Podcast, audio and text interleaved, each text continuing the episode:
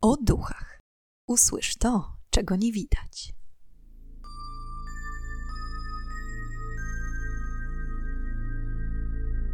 Witam i pytam, czego dusza pragnie. Strasznie miło mi gościć Was na moim kanale. W dzisiejszym odcinku, z racji trwających właśnie świąt Bożego Narodzenia, nagrałam dla Was odcinek tematyczny.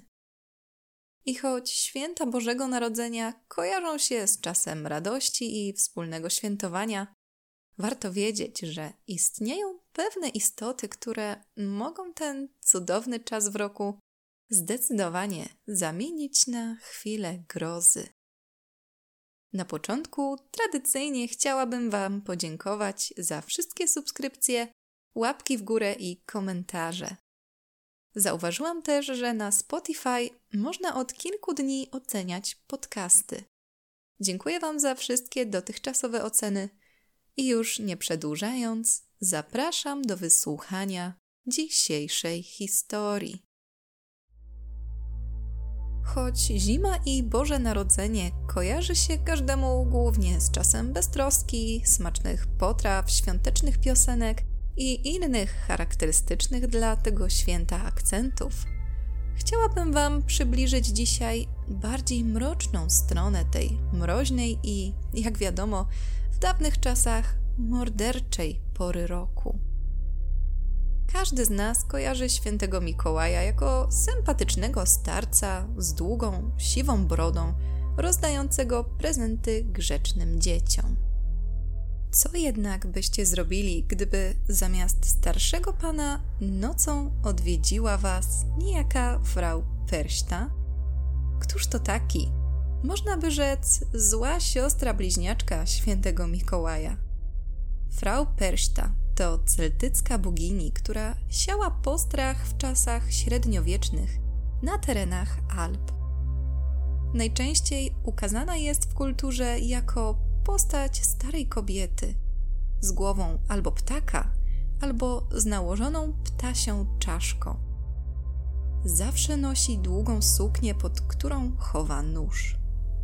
Czasami podpiera się laską, a jej ogólny wygląd budzi przerażenie.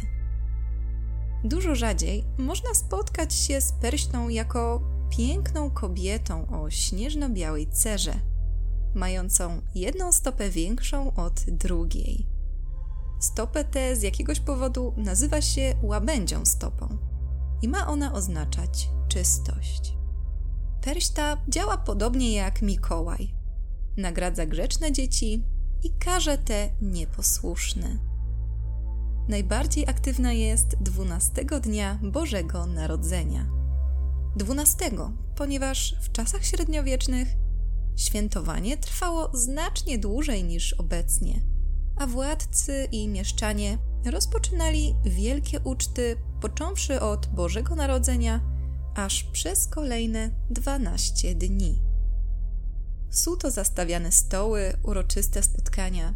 Wszystko było okazją do odreagowania surowych wówczas kościelnych zasad, jakimi była wstrzemięźliwość zarówno przy stole, jak i w życiu intymnym. Dawniej Boże Narodzenie trwało od 25 grudnia do 6 stycznia, czyli święta Trzech Króli. Co ciekawe, Wigilia była obchodzona inaczej niż obecnie. Był to dzień postu. Można było jeść, ale zakazane było mięso, jajka i ser. W czasie 12 dni świątecznych obowiązywał również, ku uciesze wszystkich, zakaz pracy. Ale wracając do frau Perszty, czarownica odwiedzała wioski i miasteczka w noc trzech króli, zakradając się do domów. Oceniała, czy dzieci były grzeczne przez cały rok oraz czy kobiety ciężko pracowały i wywiązywały się ze swoich obowiązków. Najczęściej sprawdzała, czy gospodarstwa były zadbane oraz czy len był obrobiony. Ogólnie mówi się, że Perśta była strażniczką przędzenia. Jeśli frau Perśta stwierdziła, że należy im się nagroda, mogła podarować srebrną monetę, wkładając ją do buta lub wiadra. Jeśli natomiast dzieciom i złym gospodyniom należała się nagana, frau Perśta wyciągała spod swojej spódnicy nóż, którym patroszyła niegrzeczne dzieciaki i kobiety, a ich wnętrzności zastępowała słomą. Ale nie tylko ewentualne wcześniejsze przewinienia mogły spowodować wściekłość frau Perśty. Również podczas świątecznej uczty można było podpaść czarownicy. Jeśli na przykład dzieci pałaszowały w ukryciu niedozwolone potrawy, mogły skończyć jako słomiane lalki. Ci bardziej wierzący i bojący się złowrogiej perśty często stawiali pod drzwiami misę z owsiankami i innymi pokarmami, mając nadzieję, że czarownica potraktuje ich pobłażliwie. Perśta umierała zawsze wraz z zimą i odradzała się na wiosnę. Co ciekawe, motyw Perśty rozpowszechnili bracia Grimm, nazywając ją Berśtą i opisując jej zmodyfikowaną postać nigdzie indziej, a w Królewnie Śnieżce.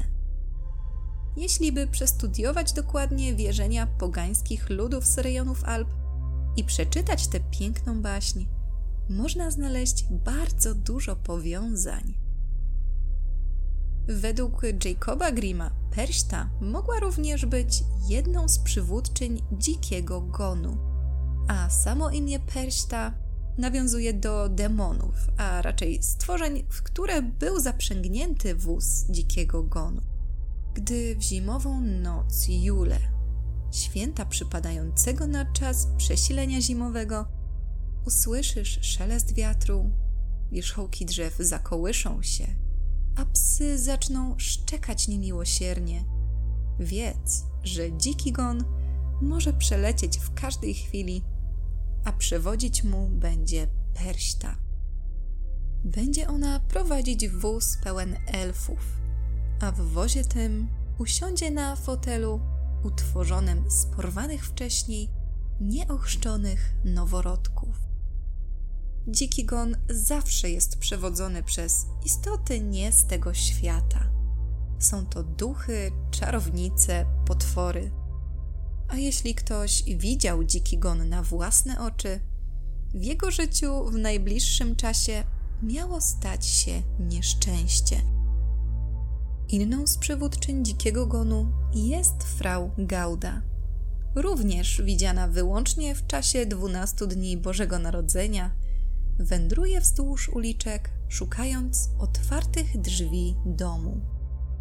Gdy na takie natrafia, wpuszcza do środka jednego z wielu swoich nieumarłych psów.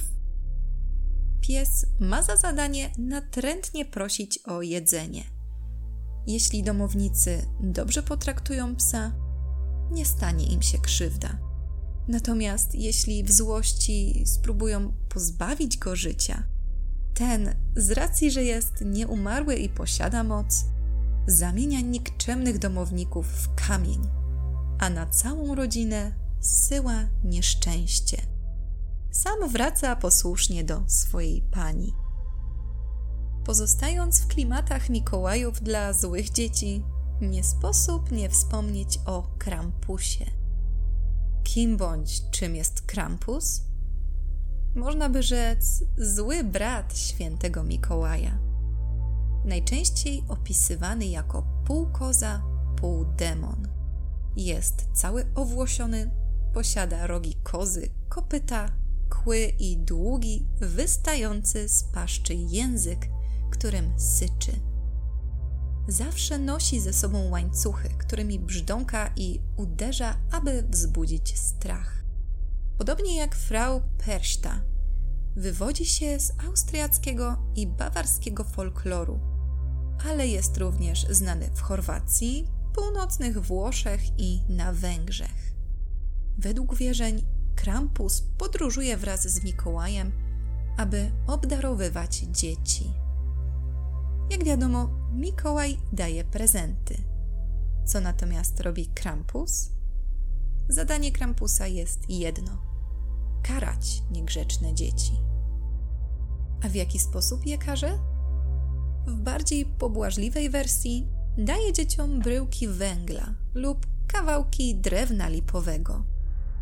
Jeśli jednak dziecko było wyjątkowo nieposłuszne i przysparzało rodzicom problemy, Krampus wyciąga z zapleców wielki worek, do którego wrzuca i porywa niesfornego malca. Co się z nim następnie dzieje? Nie wiadomo. Mówi się, że Krampus albo go zjada, albo topi, albo zrzuca do piekieł, gdzie maluch cierpi wieczne katusze. Krampus ma swoje święto, zwane Krampusnacht, czyli Noc Krampusa. Przypada ono 5 grudnia, w przeddzień dnia świętego Mikołaja. W Austrii organizuje się z tej okazji specjalne parady, zwane Krampuslauf, podczas których młodzież przebiera się za potwora. Tańczą, śpiewają i zaczepiają przechodniów. Inną mroczną postacią związaną z Bożym Narodzeniem są wilkołaki Pricolici. To pochodzące z rumuńskiego folkloru ożywione ciała zmarłych, najczęściej mężczyzn, którzy za życia dopuścili się wielu okropieństw i po śmierci odrodzili jako wilkołaki pragnące krzywdzić innych. W środku uwięziona jest dusza zmarłego, którego żądza krwi kieruje instynktownie do polowania. Mówi się, że Prikolici są najbardziej aktywni w czasie świąt Bożego Narodzenia. Długie, zimowe wieczory stwarzają idealną okazję do łowów. Zwłaszcza, że wilkołaki te, podobnie jak wampiry, działają nocami.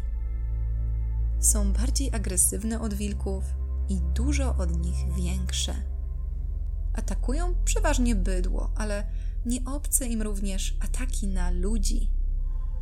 Nawet w dzisiejszych czasach na rumuńskich wioskach można usłyszeć, że ktoś został zaatakowany przez nienaturalnie ogromnego wilka i podejrzewa się, że mógł to być Pricolici. Co ciekawe, Pricolici nawet po swojej drugiej już śmierci odradzają się ponownie, tym razem jako wampiry. Wierzenie to jest bardzo popularne w Rumunii z racji tego, że populacja wilka szarego w tym kraju jest ogromna.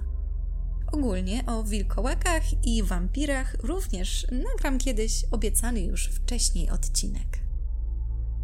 Jakie jeszcze inne postaci z ciemnej strony świąt są znane na całym świecie? Greckie gobliny – zwane Karankonkolos. Stwory wywodzą się z terenów południowo- i wschodnioeuropejskich. Gobliny są niskie, mają kłedzika, kopytka i okropnie cuchną. Są ślepe jak krety, żywią się ropuchami i robakami. Na co dzień mieszkają pod ziemią, gdzie całymi dniami piłują drzewo, które według wierzeń podtrzymuje całą ziemię. Jednak za każdym razem, kiedy tylko mają zabrać się już za ostatni korzeń, po odcięciu którego cała ziemia miałaby się zapaść, nadchodzi wspomniane już wcześniej 12 dni Bożego Narodzenia.